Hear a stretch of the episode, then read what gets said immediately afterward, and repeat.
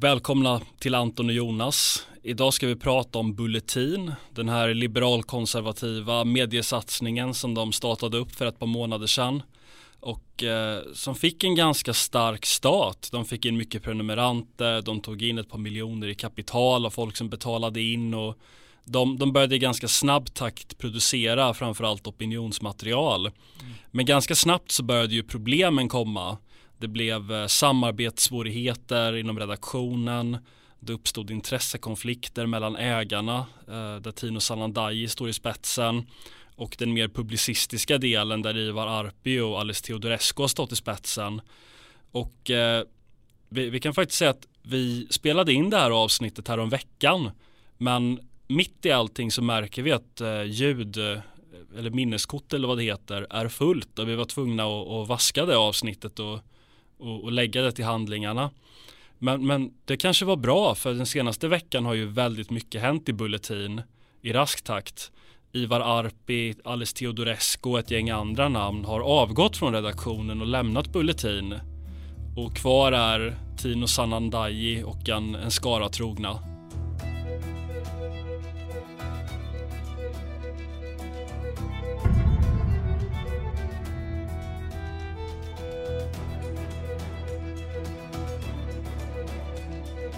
Hur, hur vallfaller den här maximen över att all publicitet är bra publicitet? Har eh, Tino passerat den eh, gränsen? Ja, fråga Göran Lamberts om all publicitet är bra publicitet. Jag hör ju till de som absolut inte tror det. Nej. Det, det är klart att eh, i vissa sammanhang så, så kan man, i vissa fall kan man dra nytta av det såklart. Att, att med, för man får mycket exponering och sånt där någon som, som en av mina favoritfighters, Colby Covington, ja. eh, räddade ju sin karriär i UFC genom att börja axla rollen som en eh, maga bad guy liksom. Ja. Men, men, det här, för att svara, sv faktiskt svara på din fråga så tror jag inte att det är någon bra publicitet. Det, det beror på vilken mantel man ska axla. Till exempel Carl Buktan gjorde det ju väldigt väl och speciellt när det finns ett stort eh, vakuum av eh, konservativa opinionsbildare inom idrotten eller inom den, hela kändisvärlden. Det, är, det finns ju en enorm inflation av eh, godhetssignalerande socialliberaler. Och då mm. kommer ju Colvington här som en frisk fläkt. Verkligen. Men eh, jag tror att det här kan bli en ganska bra brygga. Eh, allt högern hade ju kanske en idé om exponering att eh, man skär igenom och eh, eh, kommer in i debatten genom att synas och vara provokativ och eh, då liksom tangerar väldigt nära det här begreppet utav att all publicitet är bra publicitet.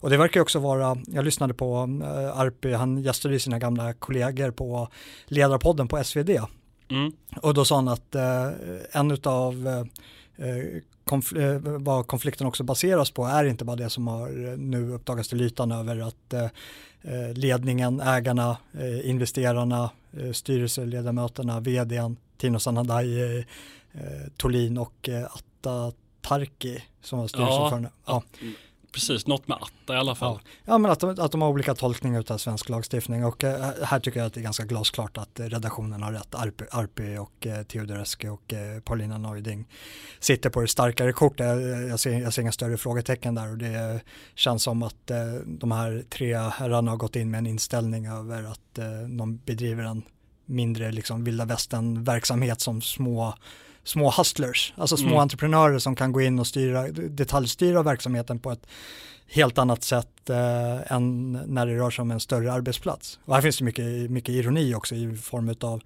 att eh, den här styrelseordföranden Atatarki har ju skrivit en bok eh, som just handlar om den perfekta rekryteringen ja. och där, där, man kan tänka att ja, men, en del av arbetssysslan är att bygga ett bra starkt lag och få med alla komponenter. Heter inte boken någonting i stil med typ empiriskt baserad rekrytering eller någonting? Oh, jag, jag, jag, har, inte, jag har inte läst det, jag, jag bara Nej, såg det, det snabbt. Det, jag, nu kommer jag absolut inte att läsa det kan jag säga.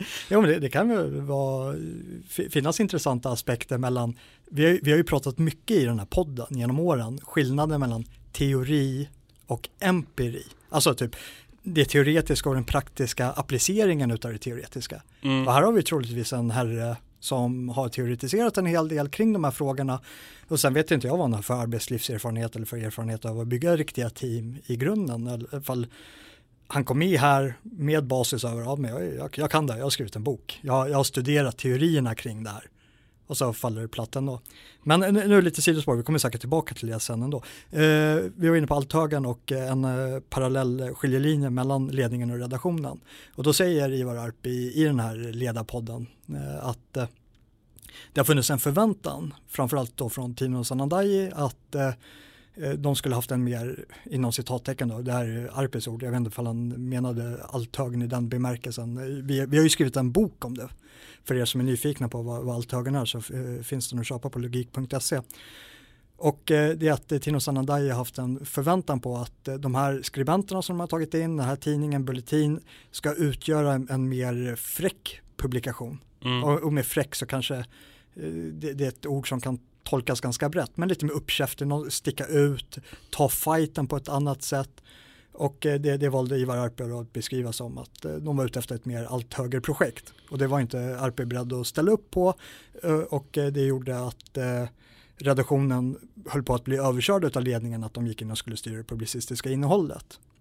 Alltså, här, här, skulle jag vilja, dels så tror jag inte att jag tror att Arpi använder termen allt högre i meningen av en mer fräck och kaxig mm. höger. Något som gärna liksom utmanar vänstern där man lite mer biter i tandskyddet och svingar snarare ja. än att försöka liksom upprätthålla sin respektabilitet i, ja, men, i, deras ögon. Vi, vi kanske är inne på Vox Days eh, perspektiv till conservative. Ja. Alltså en gammal mjäkig borgerlighet, att det är det man vill komma ifrån och eh, kanske blir något väsen som har någon form av ryggrad. Men, men jag, måste, jag måste verkligen göra en reflektion här, mm. för, för, för när jag, jag menar, det har ju varit en eh, det, det, har ju varit hela tiden återkommande när man har diskuterat Bulletin just att men här har vi väldigt, väldigt många tunga namn. Ett, ett Allstars-lag. Jag tror att när vi gjorde vår första podd, det vill säga inte den som försvann då i, i minneskortet, Nej. utan den här första vi gjorde när de precis hade grundat, då, då sa vi typ att svensk borgerlighet toppar laget eller något sånt ja. där. Och, och det gjorde man ju. Man tog ju in jättemånga personer som ägnat årtionden åt att, att liksom bygga sina egna varumärken. Mm det är ju folk som Arpi och Teodorescu, Paulina Neuding, Per Gudmundsson med, med flera. Den här jämförelsen kommer halta. I och med att jag kan, alltså jag är så ointresserad. Så du vet inte vilka det är? de, de vet vilka det är. Men jag tänkte att jag skulle göra en fotbollsliknelse den enda jag kommer på är Zlatan. Ja men det, så, det, det är han jag ska komma till. Ja, liksom ska Zlatan spela back och målis och ja, fortsätt. Nu ja. var inte meningen att sno din. Nej men det, det, är ett sidospår men ja. det är liksom, alltså det, det, det, går att koppla ihop. Det är lite den andra, eh, eller det, det, är en sida av det här att om man ska ha ett bra lag, mm. då kan ju inte hela laget bestå av divor.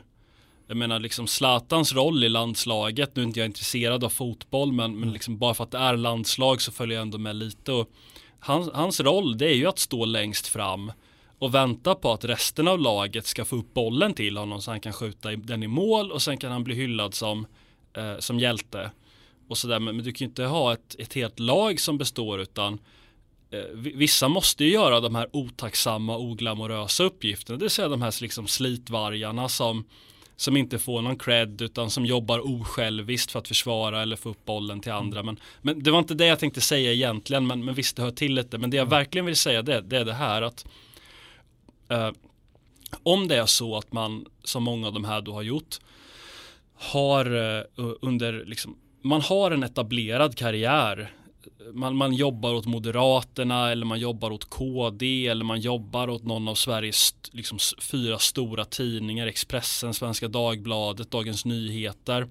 Man har en väldigt stor publik och man, kan, man har möjligheten att verka inom etablerade institutioner.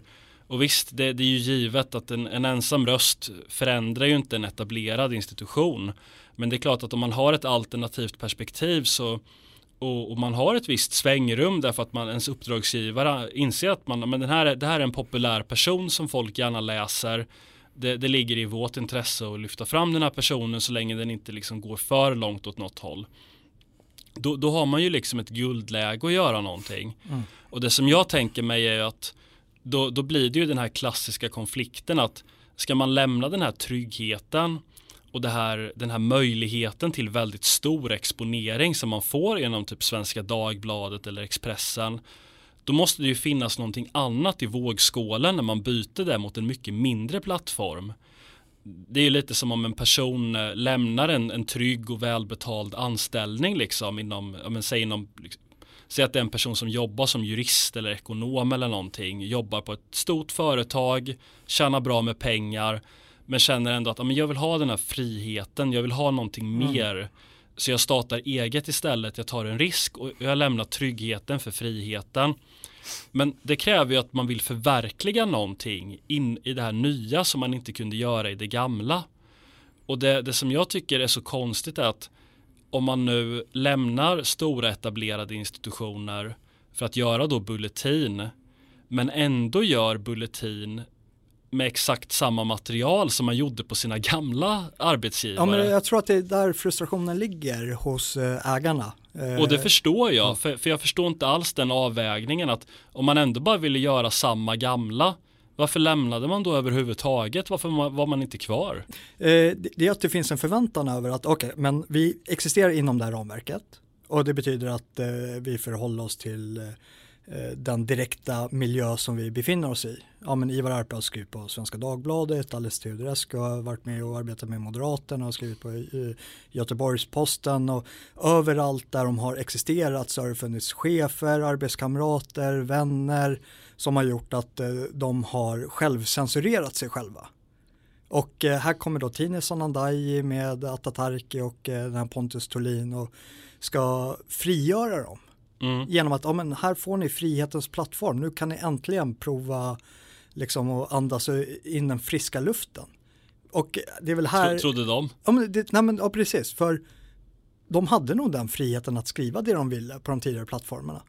Varpå de skriver fortfarande det de vill. Ja, och jag, jag, tyckte det blev tydligt med eh, Per Gudmundssons eh, eh, krönika och Gudmundsson är ju kvar, han blev väl ansvarig utgivare nu när Arpi lämnade och så, ja, men precis. alltså över chefredaktörposten vakant och han skrev en artikel som handlade om hur eh, judarna flyr Malmö och problematiserar den muslimska invandringen utifrån det perspektivet. Mm. Och det är samma trötta alster som de här herrarna har skrivit eh, på de gamla medieplattformarna. Alltså den hade lika gärna kunnat vara skriven på Svenska Dagbladet för ett halvår sedan.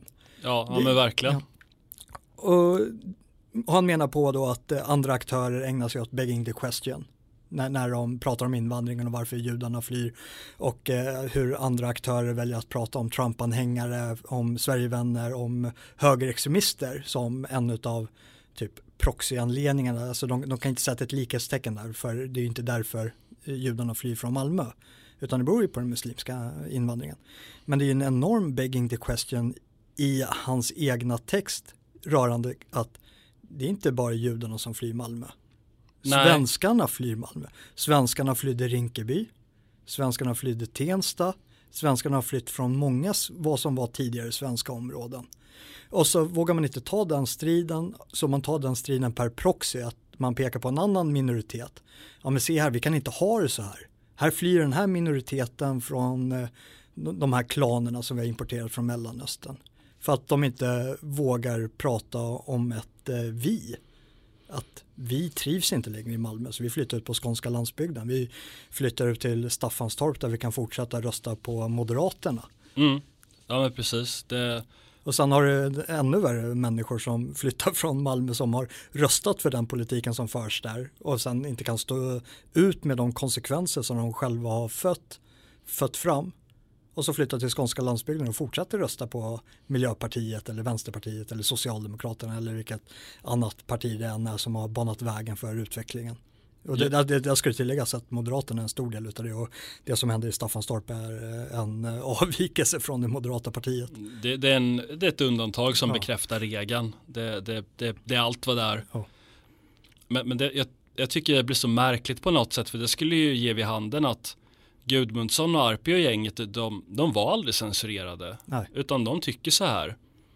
Att nu har de fått, det, det, det, det, säger ganska mycket egentligen om vilka de är som opinionsbildare och hur man ska värdera dem och tolka dem i debatten. Att nu, nu har vi faktiskt sett ett scenario där de har haft en ledning som velat ha en mer uppkäftig profil och mm. liksom har gett, de har fått möjligheten nu lite att bredda att bredda sig och ut, utvidga liksom sina vyer lite. Men det har de inte gjort utan de har snarare blivit avskräckta av det här. Ja. Ja men det är ju friheten skrämmer. Det finns ju eh, så här, uh, psykologiska fenomen över eh, livstidsfångar som har blivit benådade som vägrar att lämna sin cell. Mm. För att eh, friheten är väldigt, väldigt skrämmande. Men eh, hoppas de här herrarna provar på det nu när de är fria på riktigt och har fått eh, blivit entlediga. Eller entlediga är väl fel att säga, när de har lämnat självmant. Alltså jag... Ifall de byter bur till bur. Ja, jag tror att Arpi och gänget, de kommer ju gå tillbaka till sina celler. De kommer ju knacka på på fängelset och be om att bli insläppta igen. Ja, vilket är helt absurt. Det är här, det är här friheten är. Alltså eh, en uppmaning till fall Arpi lys, lyssnar för du, eh, det, det, är en människa som har en kapacitet som få människor besitter. Han kan bli en ny Joakim Lamotte. inte en ny för det är ingen som kan ersätta han men en han par, inte... parallell. Alltså ja, ja, men... fast på, på, på sitt sätt. Nu menar jag inte att man ska, man, man, kan inte plagiera andra opinionsbilder för det är så mycket, speciellt när det kommer till så här individuella opinionsbilder, det är så mycket som kommer från deras egen persona. Men eh, han har definitivt en persona som kan stå på egna ben och eh, stå för egen försörjning på exakt samma sätt som Lamotte gör. Mm. Men det finns, ju, alltså det finns ju mycket som är konstigt här. Ja. Och som har varit konstigt med Bulletin redan från början. Jag, jag tänkte på det när jag läste Paulina Neudings avsiktsförklaring. Mm när hon tillträdde som chefredaktör att det, det, var några punkter där jag tog fasta på. Dels var det det här, det här högtravande, to, extremt högtravande tonläget att ja. vi vill göra någonting som är i stil med eh, England och USAs ja. quality press. Det ska vara som Times of London eller Wall Street Journal. Och... Det, det, det finns ett typiskt svenskt skimmer över det. Att vi är så här Nordens Amerika, vi är, vi är storebror i norra Europa. Ja, och, och, och och, och framförallt det här med att vi, vi ska inte ha någon, eller kanske, de kanske inte sa det rakt ut men de, de hintade lite, men vi ska inte riktigt ha någon agenda utan mm. vi ska skilja på news och views. Mm. Och jag kan lite tycka att eh, det gör ju faktiskt de flesta. Eh, för det är ju inte, det är som Jan Tullberg skrev när han kommenterade det här i fria tider att news och view, eller det, det är ju inte så att alla tidningar, Aftonbladet och, och allt vad de heter, skriver en på näsan vad man ska tycka i varje nyhetsartikel. Nej. Utan nästan allt nyhetsmaterial det är ju någon form av beskrivning av att ja men nu har det här hänt, nu har den här personen gjort det här. Och sen tar ledar och kultursidorna och krönikörerna vid när det gäller att liksom kommentera och eh, sätta perspektiv på det. Men däremot är det ju så här att, eh, och som, som jag, jag återger vad Tullberg sa nu, att Först är det ju views, det vill säga mm. man gör ett urval av vilka nyheter man överhuvudtaget vill ta upp. Och det är ju det som ger en tidning dess särprägling. Det vill säga att eh, tidningar som Fria Tider, Expressen, Proletären, Dagens Arena har totalt olika urval av vilka nyheter de tycker om att, eller har intresse av att lyfta fram. Och sen i själva nyheterna, men där har man ju någon typ av oftast då saklig beskrivning. Man skriver inte folk på näsan Nej. vad de ska tycka. Så det blir först views, sen news och sen views igen då på ledare och kultursidor. Så, så jag förstår inte riktigt vad Bulletin skulle vara som var liksom nytt här egentligen utan det här görs ju redan. Ja, man, man sätter sig på en väldigt hög hastighet, det blir, det blir lite skenheligt. Väldigt skenheligt och, och sen med tanke på hur Bulletin utvecklades då att i princip så hade de ju inte något nyhetsmaterial mm. överhuvudtaget.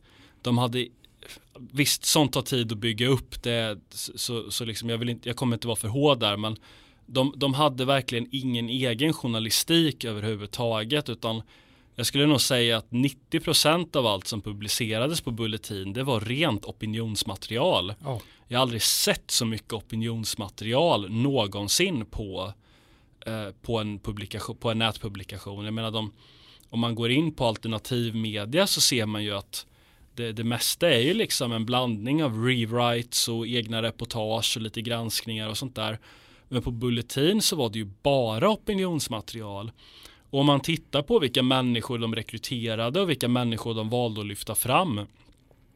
Det, jag vet att det var någon som gjorde någon, eh, någon poäng av det, jag kommer inte riktigt ihåg sammanhanget men man, man lyfter fram Bulletins Facebook-sida och vilka man väljer att ha med på den, på den här bannen som är bakgrundsbild, det vill säga att liksom vilka vill man ska vara ansiktet utåt för Bulletin. Mm. Och det var ju inga journalister utan det var ju bara opinionsbildare. Nej, nej, nej det var, ja, vi, det första avsnittet vi gjorde så hade vi en uh, samlingsbild utav dem.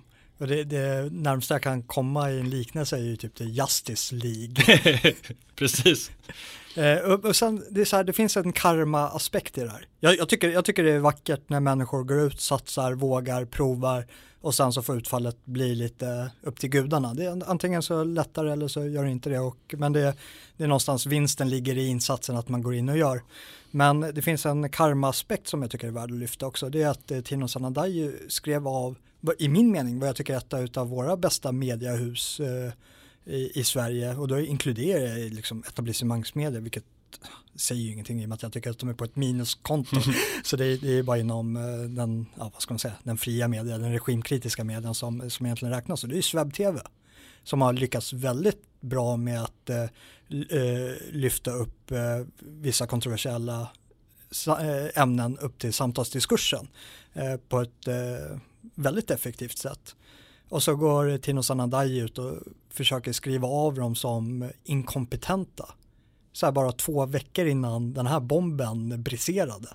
Mm. Och det, det, är så här bara, men vad håller du på med Tino? Alltså visa lite ödmjukhet, ödmjukhet till eh, andra plattformar som verkar i samma sfär. Hålla, hålla på på det där sättet och sen eh, det, det, blir ju den här karma-effekten utav det. Att eh, han håller på att skriva ner ja, men den, det mediehuset och sen så har han själv en tidning där, eh, som har varit på löpet inom etablissemangsmedien för att ägna sig åt plagiat. Vilket eh, beror nog mer på inkompetens rörande eh, tidningsstrukturen. Jag, ja, det var ingen avsiktlig plagiat nej, på det sättet. Jag, jag läste en intervju ja. med journalisten och dels verkade det ju vara så att de, de hade en underbemannad nyhetsredaktion med ja. väldigt mycket att göra.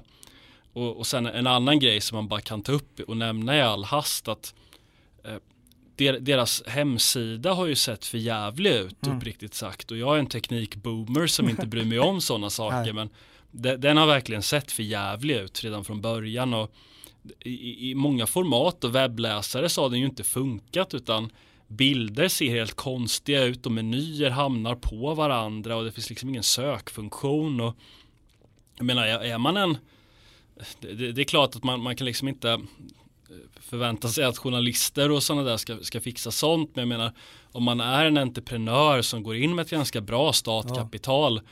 då måste ju eh, rekryteringen av en, liksom, bara en duktig programmerare, det måste ju vara en smal sak. Men tydligen så har de ju fixat någon sorts budgetsida från programmerare som är verksamma i Ukraina. Mm. De, de har ju inte ens haft ett vettigt publiceringsverktyg där man liksom kunnat lägga in att saker ska publiceras som TT-notiser. Ja. Alltså, ja, precis, du hade fått fel signatur egentligen, så det var väl egentligen inget fel i självaste brödtexten. Nej, och, och nej, nej, precis, och det, det, det, det, kanske är nästa, nästa puck att ta upp, men, men liksom, för nu har ju vi lite tagit ställning för Tinos ambition att göra något lite mer uppkäftigt. Och... Får jag flika in en till sak på ja, rörande webb-tv?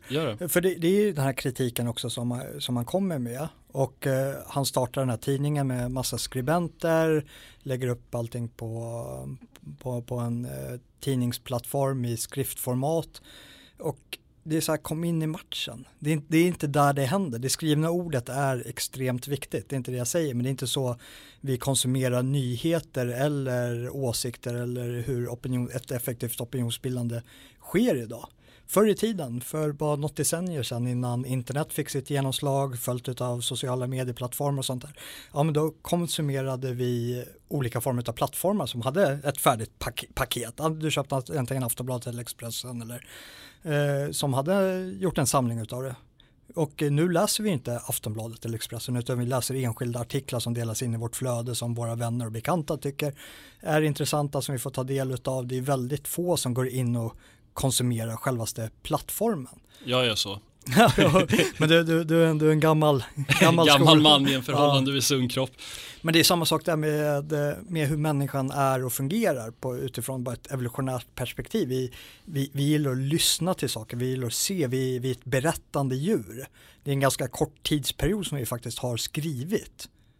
Och eh, där gör ju SwebTV helt rätt och vad, vad, vi gör också i Palestra Media att eh, vi, vi, arbetar ju lite med skrift också i form av vårt nyhetsbrev. Men det, det, är, det är det enda. Men den stora genomslagskraften är ju i saker som blir viralt i form av ett berättande. För det lyfter fler emissioner än vad en text gör. Och det är så människor är vana eller inprogrammerade att eh, ta in information. Det är eh, väldigt få människor, alltså utifrån ett bredare perspektiv, som är bokmalar. Vissa människor är jätteduktiga på att suga in sig information från text, eh, speciellt böcker och vetenskapliga artiklar. Och eh, där, där faller väl du in och eh, jag väl något, jag väl något mellanläge där. att jag, jag, är duktig på att suga in delar av den informationen också men jag, jag får, när jag studerade så var seminarierna det absolut bästa för mig att ta tillgodogöra mig kunskap där jag kunde stångas och blötas med lite olika infallsvinklar på liksom samma. Du kunde sitta och pladdra om saker. Exakt. Nej, alltså det, det, den bästa kunskapskällan är ju när man själv är tyst. Nej, när jag pratar säger jag bara saker som jag själv vet. ja, det är sant. Ja, men eh, där tycker jag de eh, gjorde en miss redan från början. Så, så de ställer fram det här superlaget, Justice League, och eh, det enda de har i berättarformat är Arpis podd. Som snabbt, finns det inte lite en ironi att en av de här stora stridsfrågorna var att Arpi, han var ju anställd först för att producera en podd. Mm. Konstigt egentligen att anställa Arpi för att producera en podd när jag tänker på det. Jag tror, jag tror att det berodde på han själv att han, eh, vi ville prova prova formatet. Eller han hade väl provat formatet med redaktionen på SvD och gillade det och ville väl fortsätta eh, experimentera där. Ja, det är möjligt, men, men en av de här stridsfrågorna blev ju att Arpi plockade ju bort poddfliken från hemsidan. Ja. Och sen gick Pontus Thulin tror jag in och återställde den. Ja. Och det här blev en jättegrej. Ja. Och jag tycker ändå att det är lite apropå allt det här som du precis sa om liksom vikten av poddar ligger ju väldigt mycket i tiden. Mm. Det, det, har ju en, en heyday just nu. Och, och, det, haft under och de plockar bort sin det är inte bara det att de liksom bara, men vi lägger podden på is lite grann, ja. utan de bara, men vi plockar bort den, folk ska inte ens höra podden. Nej. Och det, det, är också ett klockrent exempel på vad jag menar med eh, att vi inte är plattformsberoende. Ivar Arpi skulle kunna öppna upp en egen podd idag och få fler lyssnare än man hade på podden på Bulletin. För plattformen lyfter inte upp eh, sådana skapelser speciellt mycket. Så enda anledningen att han gör det är troligtvis för att han var, ja, trygg, med, var trygg med någon form av avlöning och inte ville förlita sig på, på Swish. ja, det, det var också en grej som, som faktiskt nästan är värt att nämna och det är ju lönesättningarna. Ja. Jag menar, de, de allra flesta människor som har startat företag eller som liksom har människor i sin närmiljö som har startat företag vet ju att alltså, en, en, en vanlig person som startar upp ett företag får ju ofta arbeta väldigt hårt väldigt länge mm. och för i princip ingenting alls bara för att liksom kunna ha, bara för att ha mat på bordet liksom innan företaget börjar ge pengar. Det, det är ofta så det är för många entreprenörer att det är väldigt hårt arbete under ett par år och, och sen förhoppningsvis då får man skörda frukterna av sin ansträngning. Men på Bulletin så var det ju helt groteska lönesättningar redan från början. Jag, jag hörde att Arpi skulle ha tjänat 115 000 i månaden. Mm. Och det skulle varit någon sorts snittlön det, för, för de som var anställda på 50 000. Ja, han sa det, Torlin i den här läckta inspelningen. Att, jag kommer inte ihåg hur många anställda han sa som de hade. Men, var det inte 25 eller någonting? Ja, och alla gick över 50 i månaden. Det är helt sinnessjukt. Mm. Jag, jag, tror inte, jag har aldrig hört talas om att människor på ett nystartat företag och visst, de, de fick in bra med prenumerationer och sånt där från början men, mm. men, men, men ändå att när man inte har något säkrat kapitalflöde att 25 personer går in på 50 000. Det är helt och säkert mer då i många fall. Det är helt vansinnigt. Ja. Nej, det krävs ju att det, det ska, måste, måste vara passionsdrivet på, på ett annat sätt. Och det är också intressant för vi går tillbaka till eh, den här uppställningen av ganska stora opinionsbildare som är redan är stora namn. Och det är det som har gjort att den här konflikten har kunnat brisera på ett helt annat sätt och det är att var och en är ju i sig självt nästan en större plattform än vad Bulletin är. Mm. Så striden har ju flyttats från eh, det interna till det externa ganska snabbt och fått en bra spridning. Just det. Och där tror jag att Tino går verkligen, eh, alltså han, han har gjort en väldigt dålig analys över fältet. För de här opinionsbildarna, de är ju populära. Det finns ju alltid den här uh, fallesen som vi, vi brukar kalla, ja men oavsett, eh, om vi säger att du tränar jujutsu, svartbältet är liksom klockren på att gå igenom tekniker under passet och sen så sitter man kvar och stretchar lite och sen så får man en lektion av det här svartbältet i företagsekonomi också, alla lyssnar liksom. Det, det, det finns eh, en falsk tilltro till auktoriteters kunskaper utanför deras bekvämlighetsområde. Och så är det såklart inom alla fält. Så när, när man bråkar med människor som har ganska stora plattformar som människor lyssnar till, det, det ja, det, det, är en svår uppförsbacke att ta sig förbi. Mm. Och, ja, nu, Tino har ju tystnat, han, jag tror inte han har gjort någon uppdatering på sina sociala medieplattformar på, jag vet inte hur länge, men han var ute och svingade först där och sen så försvann han väl i, i skuggan av Arpi och Teodorescu och alla, alla de andra som har varit ute och publikt kommenterat eh, den eh, situation som de uppfattade som väldigt, väldigt illa och som var enkom baserat då på Tino Sanandaji, Tolin och eh, Tarki, eller var det Turki? Eller vad nu hette, Atta. Ja, Atta. Jag måste nog ändå säga att eh, det finns ingen i det här dramat som, som faktiskt ger något sympatiskt intryck, skulle jag säga. Att alla verkar ganska, det verkar vara, Alltså Tinos beteende Men vadå, tycker, tycker du inte att Per Gudmundssons beteende är lite sympatiskt? Vilket alltså, beteende? Ja, här, Han har inget beteende. Nej, men det, det, det, är en intressant aspekt. Så här, det, att inte ha något beteende? Nej, men det finns en integritet hos, eh, hos de här opinionsbildarna. Jag, jag tror att... Eh, tycker du det? I någon mening, utifrån deras perspektiv. De skriver det de tycker, de säger, jo det finns integritet. De, de, de satte ner foten när de kände att de blev överkörda på ett eh, Fast vad, vad, vad, det är det som jag liksom inte riktigt, ja, jag, jag, har också läst det här, men, mm. jag kan inte säga att eh, alla de här konflikterna ja. som, eller liksom när man tar upp, man tänker liksom i sak vad som har hänt. Ja. Det verkar verkligen i min blick som småpotatis faktiskt. Nej, jag, jag tycker inte det. Jag, tycker du inte det? Nej, jag, om jag sätter mig in i den situationen och eh, jag är ansvarig utgivare och jag känner att jag blir överkörd här utav någon som tar, tar sig en orättmätig makt. Och eh, så, så, att jag bara sitter på någon eh, blufftitel. Ja, men har, har, det varit så illa? Ja, det var ju jag, det. Alltså, men... Jag vet, för jag, jag har också gått igenom ja. saker som, som hänt såklart. Och jag, jag, jag, förstår att det har liksom funnits, det har varit grupper som kanske inte alltid förstår varandra. Ja. Men jag, jag tycker ibland blir det nästan svårt. Man bara, men vad menar du? Vad är det som har hänt egentligen? För det, det första var väl att någon hade, Pontus Thulin tror jag, hade publicerat någon artikel av någon. Om, om jag har förstått det rätt så var det en artikel som publicerades av Pontus Thulin på proxy utav Tino Sanandaji. Så det var Tinos polare som har skrivit ner någon extern publicist och lyft upp Tino i den här artikeln och eh, den var undermålig så den gick inte igenom eh, den sedvanliga processen. Ja men det, det gjorde den väl? Det var väl någon, för, för, jag hörde någonting om att det var någon redaktör som hade godkänt artikeln. Och, men som inte publicerades och så ville han påskynda processen då och la ut den. Men, men, det, men, det, men det är ovidkommande. För ja, det, det, det, känns, riktigt, det, känns, ja. det känns så här att det är du vet som, som när liksom två personer ja. är i ett förhållande och så har de någon oenighet liksom. Ja men vad ska vi göra ikväll? Ska vi gå ut och äta eller ska vi stanna inne?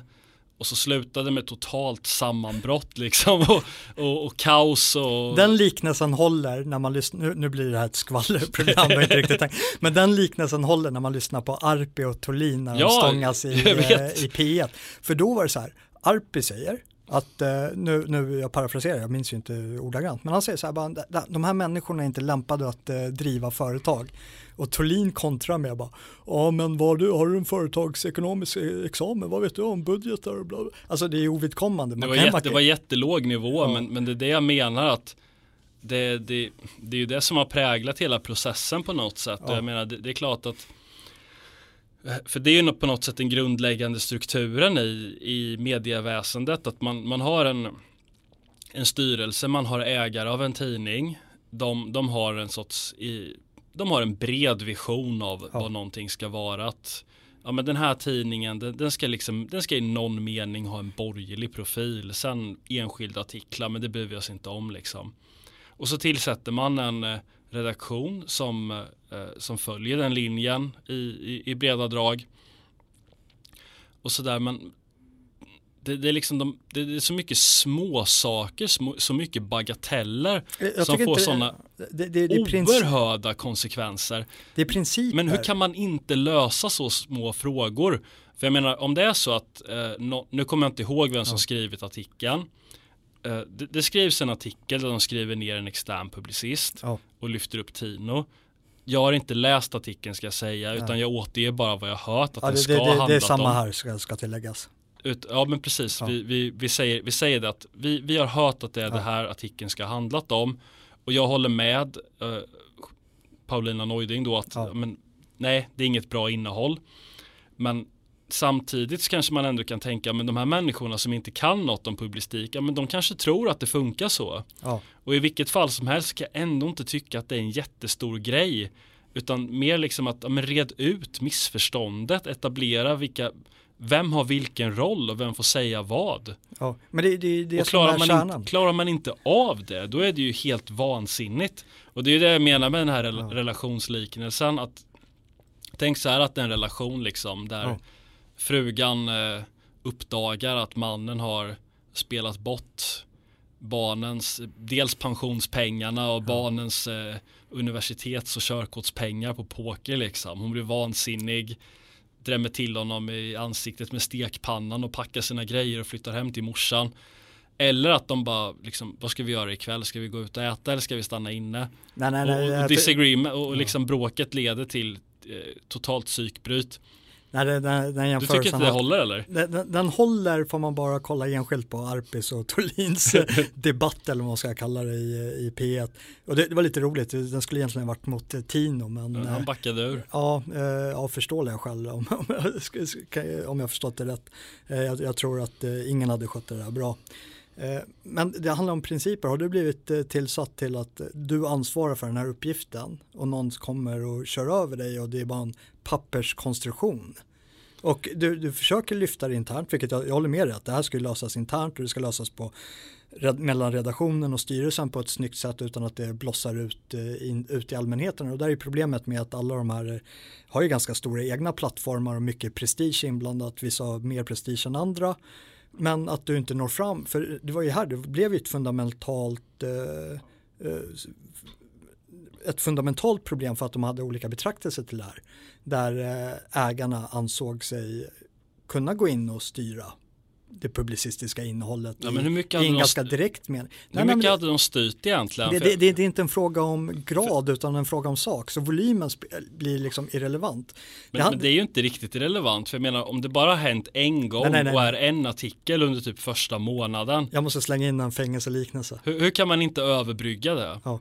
Eh, har du läst Iskallt stenhårt? Ja, Rickard ja jag har läst den. Ja, det, det, är en ganska charmig bok. Eh, så, så han sitter Känner du igen det eller? Nej men det, det, är lite samma psykologiska fenomen varför det handlar om att lösa saker och ting tidigt.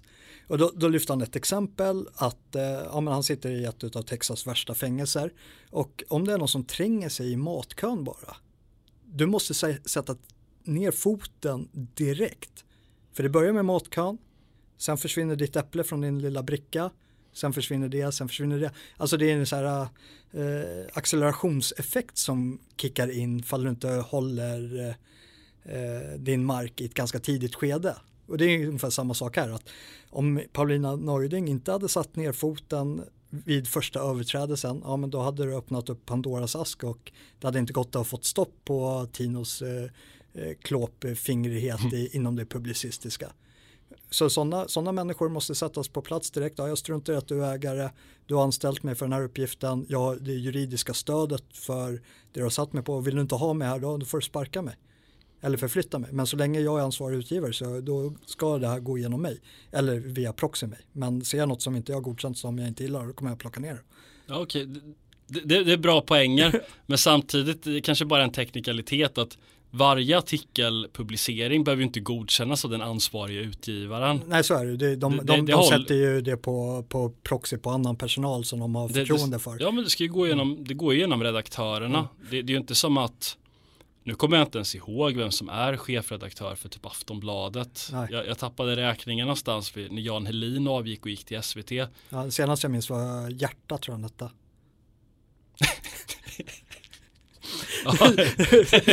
Sen hjärtas tid så har jag inte följt Aftonbladet. Nej, det var väl lika bra. Ja. Nej, men det, det oavsett vad så, så, så, verkar det ändå som ganska knepiga människor att ha att göra med. Ja, du, du som inte kan på... komma överens om något så grundläggande. Du måste tänka på att vi är regimkritiker, vi är oppositionella, det finns en stor social kostnad att eh, vara det. Vilket mm. innebär att om du får ganska bångstyriga människor att ha att göra med. Fast de är ju inte regimkritiker. Inte utifrån vårt perspektiv. Vi, vi är ju regimkritiker i ordets rätta bemärkelse. Vi vill se en ganska stor förändring utav hela samhällsstrukturen. De är eh, lätt oppositionella. Men även att vad det kommer kanske någon form av eh, eh, Eh, inte social kostnad utifrån deras perspektiv kanske, men att vara oppositionell kräver att, eh, att man kan stå på sig, att man kanske är lite rättshaverist, att man blir, du är inte lika konformistisk. Eh, jag tror att det är framförallt det, du, du är inte lika konformistisk som kanske andra, andra människor som är lite mer maniana kring saker och ting. Och samlar man för många sådana människor i eh, samma miljö, ja, då har du en grogrund för konflikt kring vad du skulle kanske kalla för petitesser. Mm. Uh, och det kanske betyder att du kanske är lite mer konformistisk ladd som har resonerat dig fram till uh, att bli regimkritiker. Medan jag kanske är mer haveristiskt lagd. ja, det hade inte spelat någon roll vilket system jag hade fötts in i. Men, men, men oavsett så, ja. så, skulle jag nog ändå säga att i, i ett sånt här sammanhang så är det ett, det är ett underbetyg att ja. inte kunna komma överens om något så grundläggande som en arbetsordning. Ja. Och, och, att man ska läsa rubriker som att de har ett redaktionsmöte som slutar med att Tino Sanandaji skriker osammanhängande. Ja. Alltså hur många gånger i sitt liv har man blivit så arg att man skrikit osammanhängande? Ja. Då måste man ju vara fullständigt från vettet i ilskan. Ja, speciellt i professionella sammanhang. Jag kan tänka mig att eh, för att vi ska fortsätta på den här eh, relationsliknelsen, äktenskapsliknelsen så är det väl vanligare. Ja, jo, ja. men tänk på jobbet att man liksom, man, man diskuterar, där, ja. man diskuterar om vem som liksom ska, ska diska kaffetermosarna efter passavgång och ja det slutar med att någon blir så arg att han skriker osammanhängande. Det är, det är ganska grovt ändå. Ja, just det, vad du var inne på, liksom integritet. Och eh, och jag anser att eh, de här människorna till stor utsträckning har någon form av integritet. De, de skriver vad de själva tycker och känner är rätt. Och jag tycker Bulletin-satsningen bevisar det för att de skriver exakt samma sak som de skrev när de var, fängslade. Eh, och eh, sen så, de här känner ju varandra, de är ju vänner. Eh, Ska de stått upp något nytt nu? Nej, nej, nej, nej, men eh, Eller? det var det jag tänkte komma till. Per Gudmundsson är ju, jag, jag, jag har ju bara läst lite av alla de här så jag, jag känner ju ingen av dem. Och eh, det här är ju hans vänner, eh, Ivar Arpi, de har ju arbetat ihop.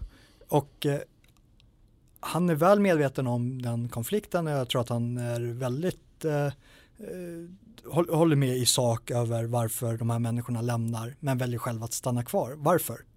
För att han tror på projektet, för att han gillar ledningen, tror på ledningens eh, pedagogik eller liksom deras sätt att hantera saker och ting. Nej, det tror jag inte. Jag tror att han stannar kvar för att han säkerligen har en lönecheck i stil med eh, Ivar Arpi.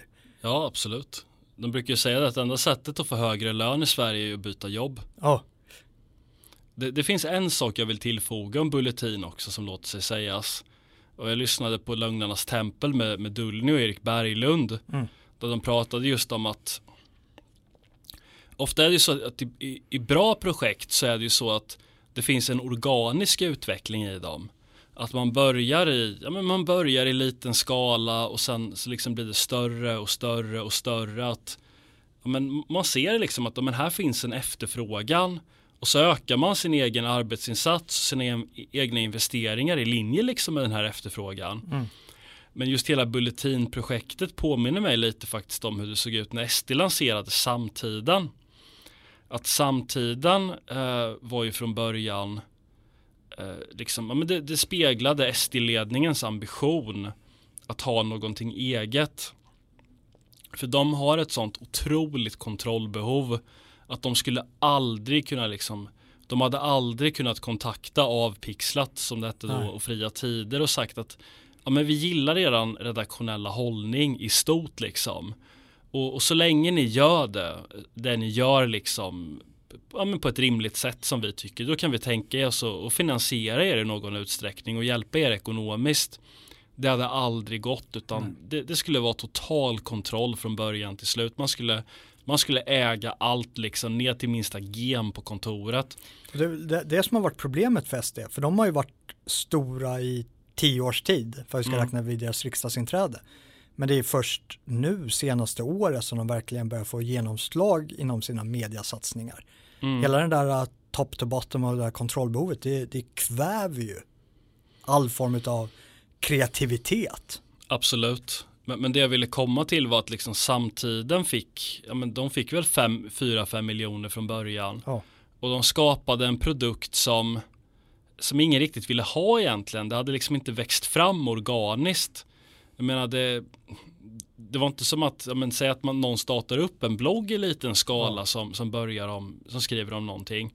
Och sen några år senare, men då är det ett stort mediaprojekt därför att människor uppskattade det och ville läsa det och sånt där. Utan man börjar i fel ände på något sätt och lite liknande var det ju faktiskt med Bulletin.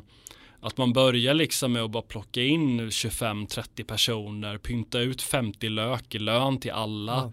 Ta Jaga liksom... investerare på hypen kring, eh, kring alla, eh, hur man har toppat laget. Precis, och sen, sen samtidigt som man gör allt det här, tar in miljonkapital, rekryterar människor, så det finns inte ens, de har inte ens kommit överens om arbetsordningen. Nej.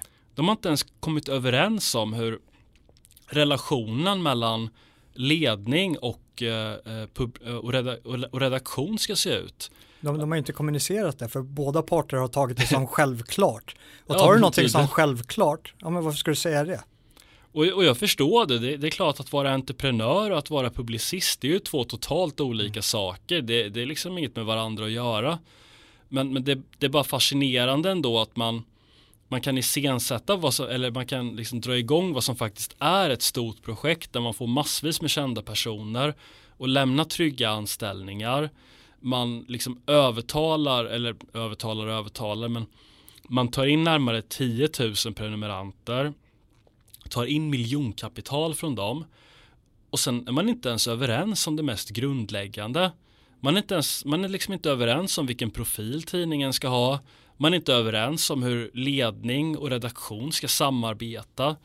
Man, man har liksom inte ens rutiner för redaktionens dagliga arbete. Det, det är liksom bara nästan, nästan fascinerande misslyckande. Ja. Organisationsmässigt. Vad var det för framtidsprognos? Alltså, jag skulle väl säga att jag tror inte att det kommer bli något mer av Bulletin. Jag tror inte att Bulletin kommer bli något stort faktiskt. Och det, det har man nog lite kunnat se redan från början därför att det finns en tendens. Vi, vi, vi, har sett det här innan. Inte av högersajter så mycket. Kanske lite att samtiden går att lägga in i det här. Eh, men det blev ju inget av den. Däremot har vi ju sett hur man från vänsterhåll har startat upp olika typer av tidningar. Kom ihåg man, man la in när man eh, lanserade politism. Mm. Du, du kanske inte vet vad det är för någonting. Det klingar bekant. Men ja, precis. Och bara det säger allt. Mm. Det klingar bekant. Men de la 50 miljoner på att lansera det. Ja. Och du tycker att jag kanske har det och du är ändå ja. intresserad liksom. Ja. Och det säger väl allt om vilken flopp det är. Eller liksom dagens arena eller något Men det där. måste man ändå ge Tino och Atta. Att de har fått publicitet. Ja, att alla känner till Bulletin. ja, nu känner de till det. Men, men det har ofta en tendens att bli lite så med den här typen av mer specialiserade tidningar. Ja. Att det, det läses av ett fåtal redan frälsta. Men, men det når inte ut till den här breda allmänheten riktigt. Nej. Och sen nu då när, när det varit så mycket haverier och när liksom så många ledande personer hoppat av. Och sen, sen ser man lite på vilka är det som är kvar då, men det är Per Gudmundsson som, som gick ut och dels skrev det här om liksom judarna i Malmö samtidigt som det aldrig skulle kom, komma honom för att skriva om svenskarna i Malmö. Nej. Och som gick ut och ondgjorde sig fullständigt över Donald Trump efter stormningen av Kapitolium. Att, jag menar, det finns redan Svenska Dagbladet. Det finns redan en borgerlig press och en landsortspress som har de här åsikterna. Var, varför skulle någon läsa Bulletin? När Ja, man redan har... Bulletin och Althögern skulle han ju anställt Dullny. ja men precis. fått lite edgy tagningar. Eller Erik Berglund, Ja. bara för att vara Erik Berglund. Ja. Men, men vad, vad är det för nytt de tillför? Om det ändå bara är samma sak som man kan läsa i redan etablerade publikationer. Mm. Varför ska man frångå de här redan etablerade publikationerna som faktiskt gör det här på ett proffsigt sätt? Nej, det, det man- som, du, du, när du slåss mot en drake du, och du är liten, det är, det är David mot Goliat. Mm. Här, här har du lilla David som är Bulletin som ska försöka tränga sig in med exakt samma material, exakt samma metodik som de här gamla drakarna. Mm. Det är klart de kommer misslyckas. De behöver ju ta sig till sig ett nytt hemligt vapen. Vilket är den här lilla stenslungan som David har. Ja. Vilket vi har upptäckt, som SvebTV har upptäckt och alla andra som, som Riks har upptäckt. Det är där du får spridning, det är där du når ut, det är där du kan konkurrera som opinionsbildare. Mm. Ja, Det det får man säga att, att Riks, de har säkert inte haft en bråkdel av samtidens budget. Nej. Men de har ändå lyckats bygga upp en vital Ja YouTube-kanal. visst, och det är tre små tjejer. De, de är större än Ivar Arpi och det Tino Sanandaji. Ja, jo, jag vet inte, men, men de Ja är, men snart så, snart de, de är Det- garanterat större än någonting som SD någonsin har gjort innan i något sammanhang. Säg att du vill nå ut med ett budskap. Du får välja mellan en artikel på Bulletin eller att eh, bli intervjuad av en av de här tjejerna på Riks. Jag hade ju valt Riks. Ja, det är väl klart. Ja. Om du vill nå ut. Men vad tror du om Bulletin? Ja, det, det, ja, men, eh, nej, men det, det är väl det jag tror att, jag tror att de arbetar med fel format i fel tid. Eh, de kollar på hur, eh, Eh, hur saker och ting har konsumerats tidigare och de försöker göra det så professionellt som möjligt och nu misslyckas de med det. Och det var ju deras uttalade ambition också, de ville bli ett New York Times eller något, något åt det hållet. Och eh, har du små medel, ja men då får, kan du inte skaffa en stor rustning som Goliat har. Har du små medel, ja men då får du skaffa en liten sten och en liten slunga. Mm. Och det är, eh, ja nu är det kanske inte YouTube på grund av den utbredda censureringen där. Men det är i alla fall formatet utav eh, låg kostnad med hög spridningspotential. Och det är med eh, ljud och bild och inte med eh, primärt text. Nej, nej, jag kan se att det ligger någonting i det. Ja. Och jag, jag jag vill bara säga som, som sista ord från min sida i alla fall. Och det, det går ju i linje med, med det du sa, men, men det är så här att om man ska byta tryggheten mot friheten, Mm. då måste man ju utnyttja friheten för att göra någonting man inte kunde göra på den gamla plattformen. Ja. Och jag menar, de hade den här chansen nu. Om de hade haft något uppsåt att bli mer edgy, ta sig an andra frågor. De hade chansen nu. Mm. Och de tog den inte. Och jag menar, om man har den här lilla plattformen, då måste man ju konkurrera med någonting. Och, och det, det skulle i så fall kunna vara andra perspektiv. För många av de här opinionsbildarna, Ivar Arpi och, och alla de här, de lever ju lite på att dels så finns det en mörkblå borgerlighet som av olika anledningar eh, inte vill höra de här budskapen från, från Sverigedemokrater eller sådär utan de, de vill höra det från någon som är etablerad, som är respektabel som, som man kan liksom referera till i sina sociala cirklar. Dels har de en publik som är Sverigedemokrater som gärna vill se sin egen linje bekräftad av etablerade opinionsbildare av eh, borgerligt slag. Det, det hade man kunnat konkurrera med men att bara göra göra Svenska Dagbladet med en liksom hundradel av läsekretsen. Det, det kommer inte fungera. Det är redan gjort och ja. i större skala. Eh, jag skulle vilja dra en eh, till liten liknelse. En till? En till. eh, vi såg ju den här serien på Netflix, för övrigt en plattform som man inte bör konsumera. Eh, och den hette Barbarer, eller Barbaren och handlade om slaget vid Teotonbergsskogen. Mm. Eh, hur Arminius lämnade de romerska legionärerna och eh, gjorde gemensam sak med sitt eget folk och eh, då lyckades tillintetgöra tre hela legioner. Vilket det, det, är så här, det är svårt att hitta historiska exempel som har spelat en sån avgörande roll för framtiden. Och det, det här var liksom en bragd utan dess like. Och det Bulletin har gjort här, om de var Arminius, är att okay, han, han, han har blivit utbildad av Rom, eh, han, han har varit legionär själv och eh, han tar med sig den här kunskapen till sina bröder i Germania och eh, han lär dem om formationerna och han möter de här tre romerska legionerna på öppet fält i formation legionerna och Varutus hade ju skrattat åt honom på exakt samma sätt som Per Andersson i SVT skrattade åt Bulletin att vad är det här? Är det, här, är det här några skolpojkar som var, försöker? Var det han som sa att det var en skoltidning? Ja men precis. Det, det är ju typ, när man tittar ja. på så här hur hemsidan ser ut, det är ju typ en skoltidning. Ja men precis, och det finns ju bärighet i det. Det blir det här begreppet av imitating life. Att mm. om det är så här romarna gör, det är så här man slåss och det är så här vi ska besegra Rom. Vilket de aldrig hade gjort utan romarna hade skrattat ihjäl dem. Utan Arminius tog med sig kunskapen över hur romarna slogs och använde deras svaghet i eh, hur de formerar sig, hur de marscherar, hur deras logistiklinjer är och använde sin egen styrka i form av terräng, geografi och eh, hur eh, de germanska stammarna samverkade med varandra och vann. Mm. Så man tar sin fiendes svaghet och sin egen styrka och gör den ekvationen istället för att ta sin fiendes styrka, försöker att sätta exakt eh, ett spegelvänt förhållande och möta sin fiende där. Du kommer förlora. Bulletin förlorade. Det, det, finns, det finns säkert mycket, mycket saker som haltar i den liknelsen, men, men i, i grund så är det ungefär så jag betraktar det. Och det, det är det jag menar med att de, de, är, de slåss i fel format, de ska inte slåss i text.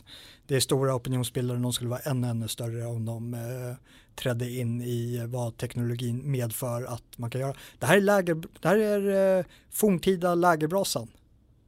Vi, vi har folk som kommer, det kommer vara 10 000 som ser på det här. Vi har 10 000 runt den gamla stamlägerbrasan som lyssnar på oss. Mm. Förr i tiden så var det 10 pers. Och nu är det 10 000. Det, det, är där det gör skillnad och det är säkerligen fler än vad som läser en artikel av Per Gudmundsson som eh, använder judarna som ett eh, proxyfolk för svenskarna när han problematiserar Malmö. Ja, ja men säkert. Vi gör det billigare också. ja, rakt av.